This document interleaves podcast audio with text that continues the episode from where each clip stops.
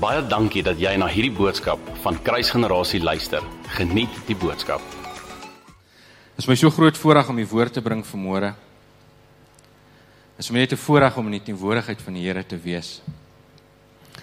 En ek wil graag vanmôre vir julle 'n boodskap van hoop bring en ek hoop nie dat ek so nou nog gaan kwaad voorkom en dit julle gaan lyk of ek gaan kwaad wees nie, want daar is 'n paar dinge wat die Here vir my gewys het wat ons deur generasies deur al so verkeerd doen maar dat daar tog soveel hoop en soveel vreugde en soveel vrede is. En mag vanmôre se woord vir jou soveel hoop en soveel vrede en soveel vreugde bring. En die tema van vanmôre se boodskap is Waymaker. En ons het nog ons lekker gegiggel daar in die gebedskamer vanoggend oor die Afrikaans hiervan. Askies. Die Afrikaans vir die woord Waymaker is maniermaker. En dit klink net nie lekker op die tong nie en dis hoekom ek maar die die tema Engels gemaak het. Maar ek wil vir jou vra, hoeveel keer in hierdie jaar het jy al op 'n plek gestaan en gesê of gehoor hoe iemand sê daar's nie 'n manier nie? En ek wil vir jou sê ons dien die maniermaker. Ons dien 'n God wat 'n manier maak waar jy nie 'n manier sien nie. Ons dien 'n God wat 'n waymaker is en nie net 'n waymaker nie, maar ons God is die way. Deur sy lewe, sy sterwe en sy opstanding het hy vir ons 'n weg gebaan vir die ewige lewe. En ek wil vanmôre 'n paar ou bekende Bybelstories met julle deel. Stories wat jy gaan nog kry in die Kinderbybel. En ek wil hê ons moet vanmôre nie fokus op die storie nie. Ek wil nie hê jy moet fokus op die verhaal nie, maar ek wil hê jy moet fokus op dit wat die Here gedoen het. Dit is so profound dat reeds in die gebedskamer vanmôre daar gepraat is oor getuienis. En Johan het vanmôre gepraat hieroor getuienis. En vanmôre wil ek vir jou getuienisse wys van wat die Here gedoen het in verhale reeds in die 15de eeu voor Christus. En as God dit dan dan kon doen, want ons dien 'n God wat gister, vandag en môre dieselfde is. Hoeveel te meer sal hy dit nie vandag vir jou doen nie. So mag jou fokus vanmôre wees op dit wat die Here gedoen het en mag die Here vir jou iets kom wys en mag die Here vir jou kom oopbreek dit wat hy wil sê in sy woord. So die eerste gedeelte wat ek wil deel is die gedeelte van Eksodus 1 tot 14. En nee, ek gaan nie vir julle al 14 hoofstukke lees nie. Maar ons vind vier bekende Bybelverhale in hierdie gedeelte. Die eerste gedeelte is Moses in die mandjie en dan vind ons die gedeelte van Moses in die brandende bos en dan vind ons die gedeelte van die 10 pla en dan die gedeelte waar Moses die see oopgekloof het en Israel uitgetrek het. Hierdie gedeeltes van Exodus 1 tot 14 staan bekend as the deliverance of Israel en dit het afgespeel 1440 voor Christus. Jy's welkom om jou Bybel oop te maak by Eksodus 1. Ek gaan geleentheid gee daarvoor. Ek gaan deur dit scan. Ek gaan nie alles kan lees nie. Ek gaan dele uit dit uitlees en dan is jy welkom om te volg saam met my. So die verhaal begin in Eksodus 1. En ons sien dat Israel is onder slawerny in Egipte, onder ballingskap in Egipte. En ons lees dat Israel, die seuns van Israel baie vrugbaar is. En ons sien dat hulle verskriklik vinnig vermeerder. Soveel so dat Egipte bekommerd raak en dat Egipte vir hulself sê maar hulle is besig om 'n volk te raak wat in opstand gaan kan kom teen ons. Hulle is besig om 'n mag te raak wat teen ons sal kan opstaan. En hulle sit vir Israel onder swaarder arbeid, onder harder slawerny. Maar Israel kry tyd vir alles en hulle vermeerder nog meer. Hulle word 'n groter volk. En Israel word so sterk fors dat Egipte se vrees so groot is dat Farao die vroedvroue gaan sien en sê dat hulle 'n plan moet maak met al die seuns wat gebore word. Wanneer 'n seun gebore word, moet hy van kant gemaak word, gemaak word slegs die dogters mag lewe. Maar die vroedvroue vrees God en hulle kry dit nie reg nie. En Farao gee die opdrag dat al die gebore seuns in die Nyl gewerp moet word. En in hierdie tyd word Moses gebore En Moses se moeder hou hom so lank as wat sy kan. Maar sy kom op 'n punt waar sy besef sy kan Moses nou nie meer hou nie en die verhaal van die mandjie speel af en sy smeer die mandjie pik en sy sit vir Moses binne in die rivier. En Farao se dogter bad in die in die Nyl en hier dryf 'n mandjie verby met 'n skreeuende baba. En sy tel hierdie baba op en sy besluit dat sy hom gaan hou. Sy gee hom eers terug vir een van die Hebreëse vrouens om hom te speen en dan vat sy hom terug en sy maak hom groot in die paleis van Farao en sy noem hom Moses wat beteken uit die water gehaal. En Moses word groot en Moses sien vanuit die paleis van Farao hoe dat Egipte besig is om Israel te verdruk en hoe dat Egipte besig is om Israel onder slawerny te laat swaar kry. En hy word kwaad en na aanleiding van 'n spesifieke gebeurtenis waar 'n Egiptenaar met 'n Israeliet in onder onsie is, wag Moses sy geleentheid af en hy slaan hom dood en begrawe hom in die sand. Maar iemand het hom gesien en Farao kom daarvan te hore.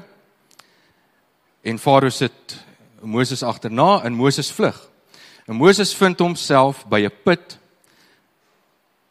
waar 'n klomp dame, jong dames aangestap kom. 'n Boer stuur sy kinders om water te gaan haal by 'n put en Moses help hulle en hulle kom so vinnig terug by die huis dat hierdie boer verbaas is en sê maar hoe het julle dit reg om so vinnig terug te kom en hulle sê maar daar's 'n ander man wat vir ons gehelp het en hulle sê maar hoe kom los julle hom daar bring vir hom plaas toe en hulle gaan haal hom en hierdie boer gee een van sy dogters vir Moses en Moses het 'n seun met haar en Moses werk op die plaas. Kom ons los Moses op die plaas terug in Egipte. Ons lees Eksodus 2 vers 23. U kan saam met my lees. Eksodus 2 vers 23. En in daardie lang tyd het die koning van Egipte gesterwe. En die kinders van Israel het gesug en geweeklaag van wie die slawerny en hulle geroep om hulp oor hulle slawerny het opgeklim tot God. En God het hulle gekerm gehoor en God het gedink aan sy verbond met Abraham, Isak en Jakob en God het die kinders van Israel aangesien en God het hulle geken. En hier is die eerste nota wat jy kan maak vandag. As God 'n belofte gemaak het, gaan God sy belofte nakom. As God 'n verbond met jou gestig het, gaan God daardie verbond nakom. Dit is nie te sê dat jy nie iewers deur 'n woestyn gaan trek nie. Dis nie te sê dat jy iewers onder slawerny sal wees nie, maar God gaan jou kom haal daar waar jy is. Maar let daarop dat God het hulle gekerm gehoor.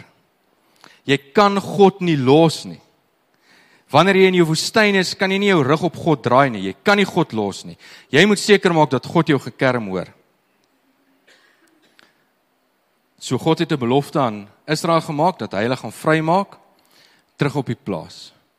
Moses pas skape op. En hier speel die hele verhaal af van Moses in die brandende bos en God roep Moses tot sy diens. En hier is die volgende nota. En hierdie gee nie vir jou vrye teels om aan enige opsetlike sonde deel te neem nie, maar ek wil vir jou sê, in die vorige hoofstuk sien ons dat Moses het 'n moord gepleeg. En in die volgende hoofstuk kom God en hy roep Moses tot sy diens.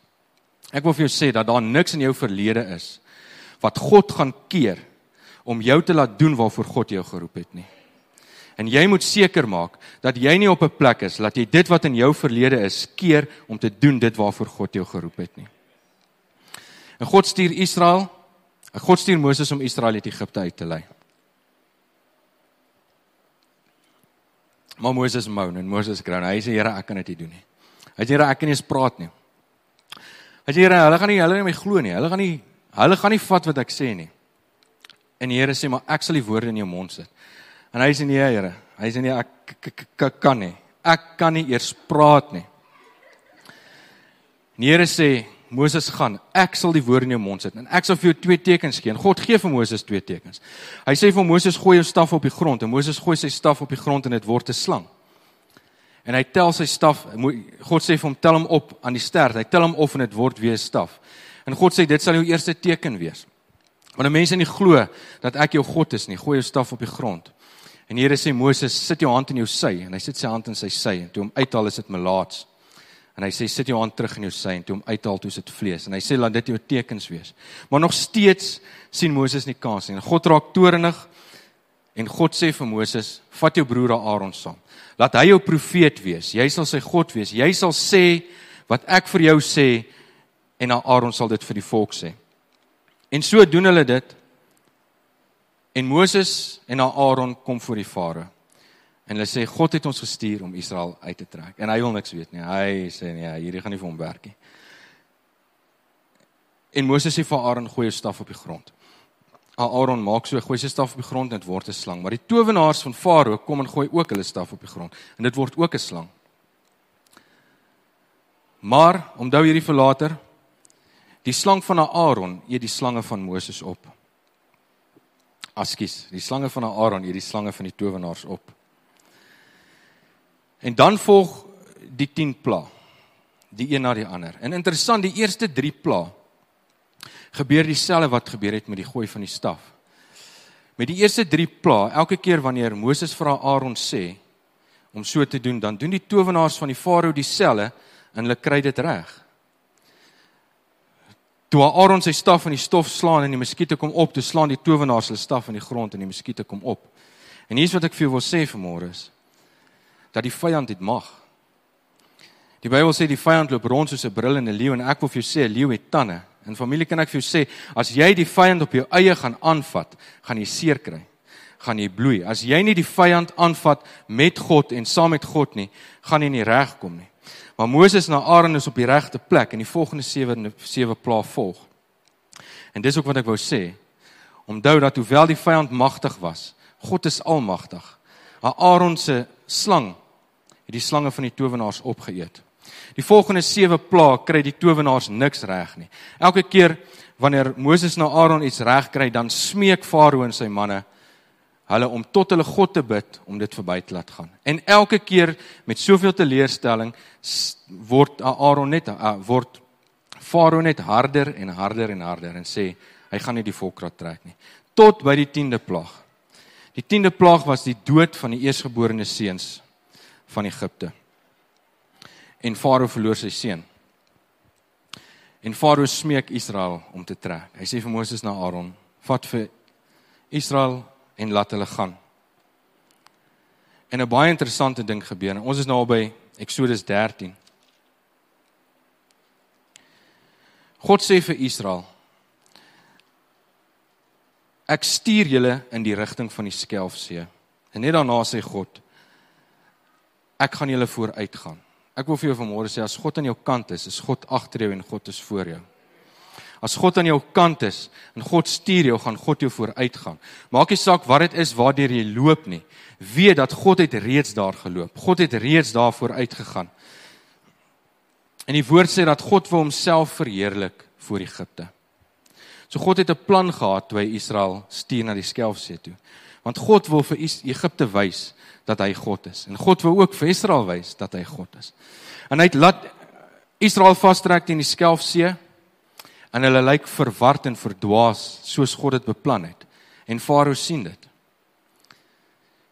En Farao trek sy manne bymekaar op pad na Israel. En die woord sê hy het 600 van die beste strydwaans gevat en al die strydwaans van Egipte. So hier is die hele Egipte met al die krygsmanne op pad na Israel toe. En hulle gaan nie toebroodjies vat nie. Dit is 'n stofwolk wat op Israel afkom en Israel word bang. En Israel is ongelukkig en hulle vat vir Moses na Aaron aan en hulle sê maar dis julle skuld. Julle het ons tot hier gelei. Julle het ons gelei tot ons dood. En hulle word kwaad. En hulle sê pleks het ons maar in Egipte gebly as slawe. En familie, ek gaan nou iets daar rondom sê. Ek wil graag net iets illustreer wat dit net soveel beter gaan verduidelik. So ek wil twee mense vra om my te kom help. Zelly, wil jy nie vir pappa kom help nie? En Armand, kan ek vir jou vra? Om vir my te help. En ek wil 'n klein illustrasietjie doen net om beter te verduidelik wat ek hierna gaan sê. Ek wil vra dat julle teen hierdie muur kom staan. Ek maar loop hier so? Sally, ek wil hê dat jy hier daar teen die muur moet staan met jou rug teen daai muur. En pappa wil hê jy moet vir daai muur kyk. En al wat jy moet doen is jy moet vir daai muur kyk. Pappa wil hê jy moet na daai muur toe gaan. En pappa wil vir jou sê ek het reeds vanmôre seker gemaak alles is reg. Jy kan net gou. As ek sê gou nê, dan vat jy tweede rad en jy gaan na daai muur toe. Armand, ek wil hê jy moet vir daai muur kyk. En ek wil hê die oomblik as ek sê go, moet jy ook gaan vir daai muur. Maar ek wil hê jy moenie afval van daai muur af nie. Ek wil hê jy moet links of regs kyk nie en ek wil hê jy moet kyk waartoe jou pad is nie. En die oomblik wanneer die eerste een daai kant is, gaan ek julle vra om te stop en net vir 'n oomblik te staan net daar waar jy gestop het. So staan teen die muur en dan familie, wie dink julle gaan wen? Maar kan ons hulle 'n bietjie cheer? Is julle gereed? Go. Daar sê ons kom maar stop. Julle was reg, hulle het gewen. Ek wil 'n paar dinge sê, nou, as julle vir my net daar kan staan vir 'n oomblik. Israel word kwaad vir Moses na Aaron. Hulle sê dat jy het ons hiernatoe gelei. Want Israel sien hoe Egipte op pad is na hulle toe. Ek wil vir jou vra, hoeveel keer hierdie jaar het jy al kwaad geword vir die Here omdat jy gefokus is op dit wat op pad is na jou toe in plaas van dit waartoe die Here op pad is met jou?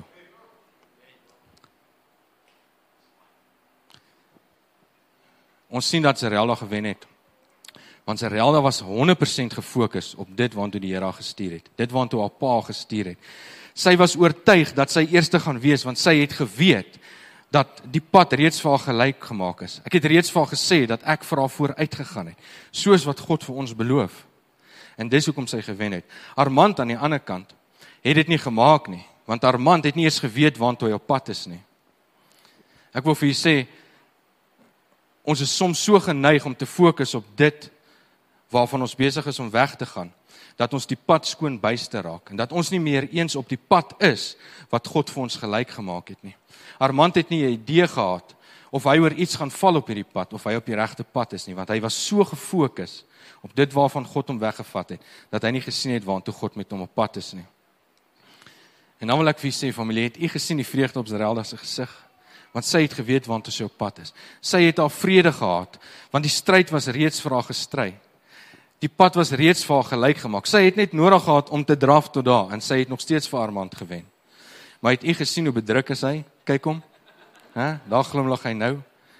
Ek sou ook bekommerd wees as ek iewers sien op pad is wat ek nie weet waartoe ek op pad is nie. En die heeltyd vaskyk in dit wat my jaag. Baie dankie julle. Julle kan vir elkeen 'n stokkie kry. Kan ons laane klap gee?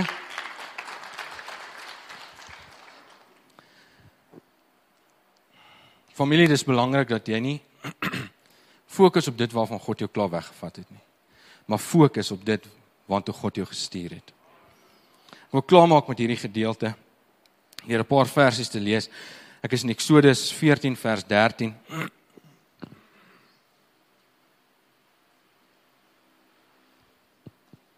Eksodus 14 vers 13.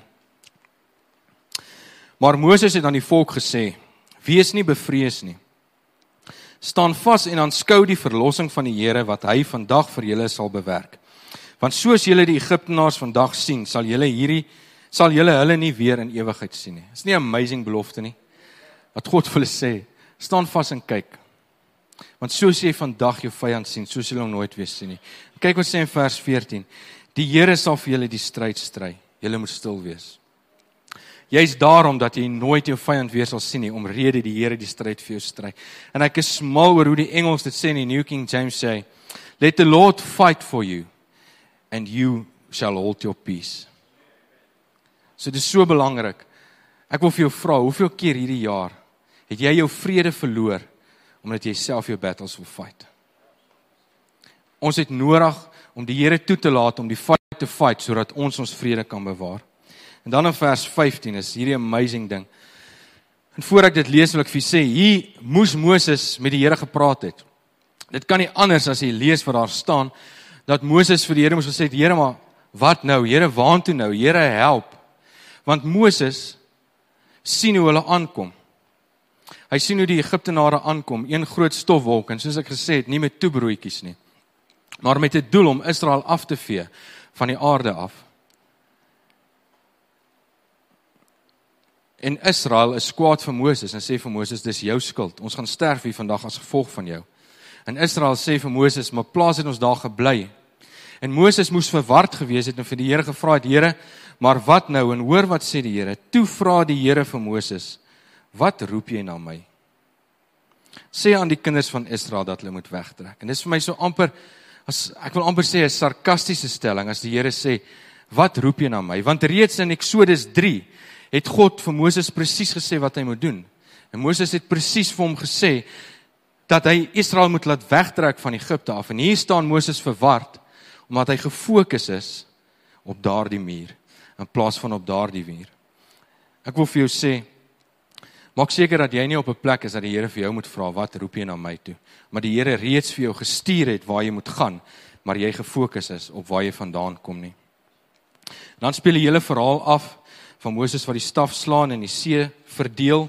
En die woord sê Israel trek op droë grond deur die see in Egipte agterna. En ons sien dat die Here dit vir hulle moeilik gemaak het. Hoewel ons sien dat Israel op droë grond getrek het, sien ons dat die strydwaans van Egipte begin vassit in die modder. Hulle raak bekommerd en hulle sê vir mekaar ons moet omdraai want God is aan hulle kant. En dan sien ons vers 26. Daarop sê die Here vir Moses: "Steek jou hand uit oor die see dat die waters kan terugvloei oor Egipte, oor die Egiptenaars en hulle strydwaans en hulle ruiters." Dit gebeur so vers 30. So het die Here Israel dan die dag uit die hand van Egiptenaars verlos. En Israel het die Egiptenaars dood gesien aan die kant van die see. Die Here fight nie net die fight vir hulle nie, maar die Here sit hulle op die kant en sê: "Kyk hoe verslaan ek hulle. Hou jy jou vrede, ek sal die stryd stry." En hy laat hulle toe om te sien hoe hy dit doen. Askies tog. Ek wil aanbeweeg na 'n volgende storie toe. Dit vat ons na Matteus 14 vanaf vers 14 daar. Weerens gaan ek nie die hele verhaal lees nie. Dit is 'n baie bekende verhaal. Dit is die verhaal van die eerste vermeerdering van die brood.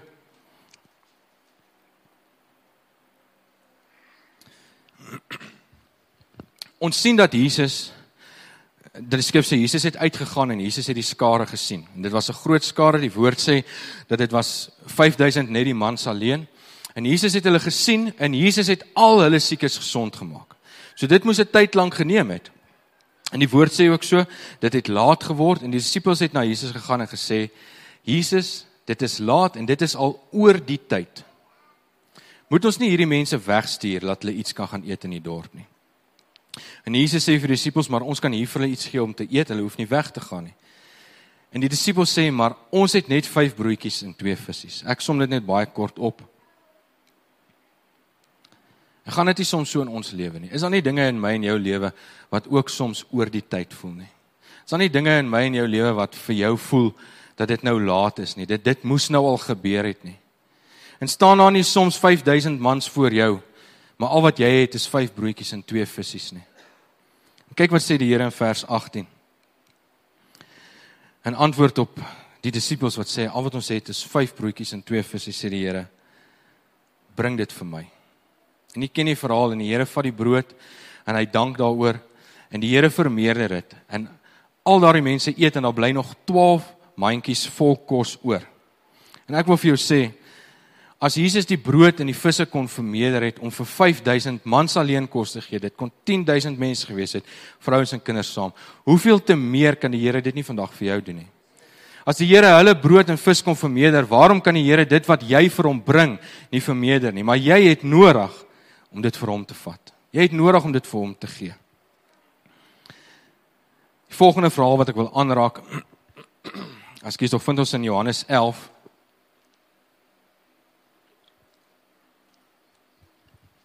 Johannes 11 vers 1 tot 44.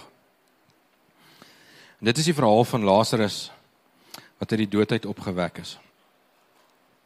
Dit is 'n ongelooflike wonderwerk verhaal in die Bybel wat so wel bekend is vir ons. Ek wil net een of twee goed uitlig hier. En ons sien dat Martha en Maria, die bekende Martha en Maria se broer Lazarus is siek. Ons sien ook in hierdie gedeelte dat die woord sê dat Jesus baie lief was vir Martha, Maria en Lazarus en ook so hulle vir hom. Hulle het mekaar goed geken. Hulle was wel bekend vir mekaar. En toe Lazarus siek word, laat Martha en Maria Jesus roep met die woorde dat die een wat hy liefhet, is siek. En ons sien dat die woord sê dat Jesus het eers vir 2 dae vertoef daar waar hy was. Hy was soos rustig. Hy was nie bekommerd hieroor nie.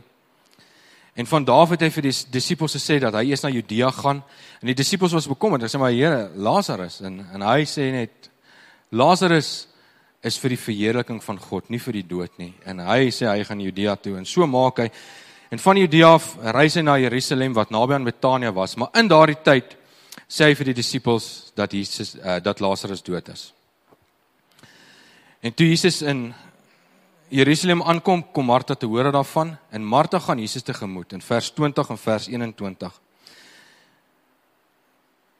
En ek gaan nou sê wat sy vir hom sê en in vers 31 tot 32 sien ons dat Martha teruggegaan het na Maria toe en Maria laat roep het en vir hom gesê dat Jesus is hier en Maria gaan Jesus ook tegemoet. En in beide gevalle sê hulle die volgende woorde. As u hier gewees het, sou my broer nie gesterf het nie. Familie, ek wil vir jou vra, hoeveel keer in hierdie jaar het jy te vroeg opgegee? Want Lazarus was 4 dae dood. Maar Jesus het nie opgegee nie. Jesus het geweet dat dit gaan wees vir die verheerliking van God. Dat dit wat hy gaan doen, gaan wees vir die verheerliking van God en dat Lazarus nie sal sterf nie.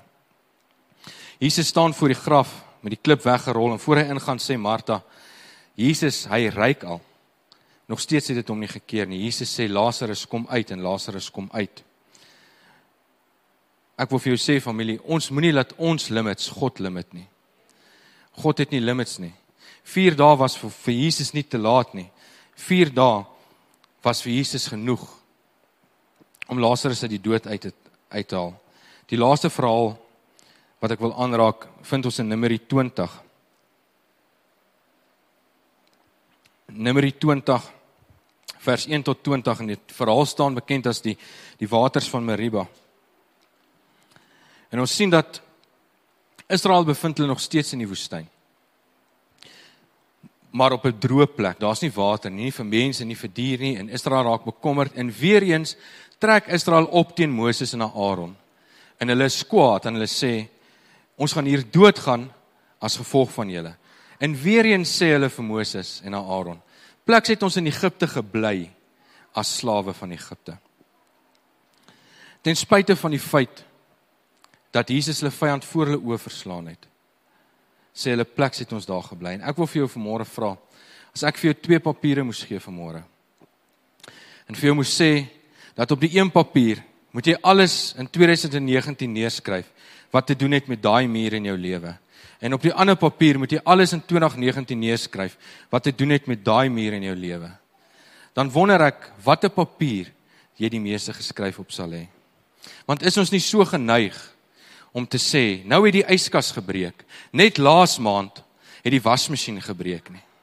Ons is so geneig om te onthou dit wat verkeerd geloop het, maar ons vergeet dat God ons gebless het met 'n nuwe wasmasjien. Ons sê nie die yskas het gebreek, ons gaan 'n nuwe een kry want God het vir ons 'n nuwe wasmasjien gegee nie. Ons het nodig om vas te hou aan dit wat die Here reeds vir ons gedoen het. God is 'n waymaker, God is 'n maniermaker. Daar wat jy sê, daar is nie 'n manier nie, daar is vir God nog 'n manier. Maar jy moet vashou aan dit wat God reeds vir jou gedoen het. Jy moet vashou aan dit waartoe God jou stuur en daarop fokus en ophou fokus en vashou aan dit van die verlede, aan dit wat jou terughou, aan dit wat jou gebreek het. Ek wil vir jou sê as God dit vir al hierdie mense kon gedoen het, hoekom kan God dit nie vandag vir jou doen nie? As God hierdie mense kon losmaak, hoekom kan God jou nie losmaak nie? As God vir hierdie mense kon vermeerder, waarom kan God nie vir jou vermeerder nie? As God mense kon gesond maak, as God mense kon uit die dood uit laat opwek, hoekom kan God dit nie vir jou doen nie? Jesaja 43 vers 19 sê, ek gaan uit. Ek gaan iets nuuts maak. Nou sal dit uitsprei. Sal julle dit nie merk nie? Ja, ek maak 'n pad in die woestyn, riviere in die wildernis. God sal vir jou 'n pad maak waar jy 'n pad kan wees nie. Daar waar jy dink as die wind waai gaan die sand die pad toewaai in die woestyn, daar sal God vir jou 'n pad maak en die wind sal daai pad nie aanraak nie. God sal vir jou riviere maak in jou droogste tye. Ek wil hierdie met jou deel en ietsie sê rondom beloftes van God. 1 Korintiërs 10 vers 13. Geen versoeking het julle aangegryp nie behalwe die menslike nie. God is getrou wat nie sal toelaat dat julle bo julle kragte versoek word nie. Maar hy sal saam die versoeking ook die uitkoms gee sodat dit julle kan sodat julle dit kan verdra. God sê niks wat op jou pad kom sal groter wees as wat jy kan hanteer. Het jy al 'n boksgeveg gesien? Het jy gesien dat boks in sekere kategorieë opgedeel is? Swaar gewig, middelgewig, liggewig. Wanneer jy in 'n professionele boksgeveg gaan, gaan jy teen iemand veg wat min of meer weeg wat jy weeg. Jy gaan teen iemand beklei soos my ouma sou sê wat jou petier is. En God sê geen geveg in jou lewe sal bo jou petier wees nie. Dit wat op jou pad kom, gaan jy kan hanteer. En dan gee God hierdie ongelooflike belofte om te sê en saam met die versoeking sal die uitkoms kom. Die oomblik wanneer daardie muur in jou lewe opstaan, is daardie muur reeds opgerig. Die oomblik wanneer jy dit sien, moes jy dit reeds raak gesien het, want God sê saam met die versoeking sal die verlossing kom. Hier is 'n belofte van God in Filippense 4 vers 19 lees ons: En my God sal elke belofte van julle vervul na sy rykdom in heerlikheid tot in alle ewigheid. Hebreërs 10 vers 23. Laat ons die belydenis van die hoop onwankelbaar vashou, want hy wat dit beloof het, is getrou. Ek wil vir jou sê dit wat God beloof het in hierdie woord, dit sal hy volbring. Dit wat God gesê het, dit sal hy doen. Dit wat God gedoen het, dit sal God weer vir jou kom doen. Jy het nodig om daaraan vas te hou. Jy het nodig om daarop te fokus. Jy het nodig om te fokus op dit wat by daai muur aangaan en nie dit wat by daai muur aangaan nie. Familie, ons dien nie net 'n God wat 'n maniermaker is nie. Ons dien 'n God wat die manier is. Dit is so hartseer om te dink dat Martha vir Jesus goed geken het en geweet het dat hy die maniermaker is en langs hom gestaan het voor 'n graf en gesê het dat daar nie 'n manier is nie. Familie, ons het nodig om te weet dat ons nie op so 'n plek kan wees nie. Solank as wat jy lewe kan jy weet dat God is met jou want hy het so beloof. God staan langs jou en solank as wat God langs jou staan, sal daar 'n manier wees. Sal daar 'n weg wees. Maak nie saak wat oor jou pad kom nie. Maak nie saak wat voor jou staan nie of dit siekte is of dit armoede is, wat ook al voor jou staan. God sal 'n manier vind. Jy het nodig om hom te vertrou, jy het nodig om hom te fokus. Kan ek vir ons bid? Vader, is 'n eer om te weet dat U sulke amazing goed gedoen het. Vader, is 'n eer om U woord te kan hê en te kan lees dit wat U gedoen het, Vader, vir soveel mense. Vader, is 'n groter eer om aan die belofte vas te kan hou, Vader. Dat dit wat U gedoen het, Vader, die getuienis van dit wat ons sien in die woord, Vader, U weer en weer en weer sal kom doen vir ons. Vader, vanmôre wil ons kom sê, Vader, dat ons is moeg gefokus op daai muur, Vader. Ons is moeg gefokus op dit wat ons jaag en dit wat ons vashou. Vader, vanmôre wil ons sê, ons wil kom fokus op U. Ons wil kom fokus op daar waar U ons stuur, Vader. Ons wil kom fokus op die muur van geregtigheid, die muur van verlossing. Vader, ons dankie dat niks wat op ons pad kom, Vader, groter as ons sal wees nie, Vader. Maar dat ons 'n geveg het van ons betuur. Vader, ons wil U dankie sê dat ons ons vrede kan bewaar deur net te kyk hoe U die stryd stry. Vader, en laat ons terugtreë en U toelaat om die stryd te stry. Vader, ons loof en ons prys U vir elke weg wat U vir ons gemaak het in 2019. En ons kyk uit, Vader, na dit wat U kom doen in 2020. En ons bid, Vader, en ons sê dat ons gaan hierdie kans gee. Ons gaan terugstaan en U die stryd laat stry, Vader. Ons wil op die wal staan en sien hoe U ons Egipte verdrink, Vader. Vader, ons loof en ons prys U vir die liefde en genade. En ons dankie vir alles in Jesus naam. Amen. Dankie dat jy na hierdie podcast geluister het. Indien jy die boodskap geniet het, deel hom asseblief met jou vriende.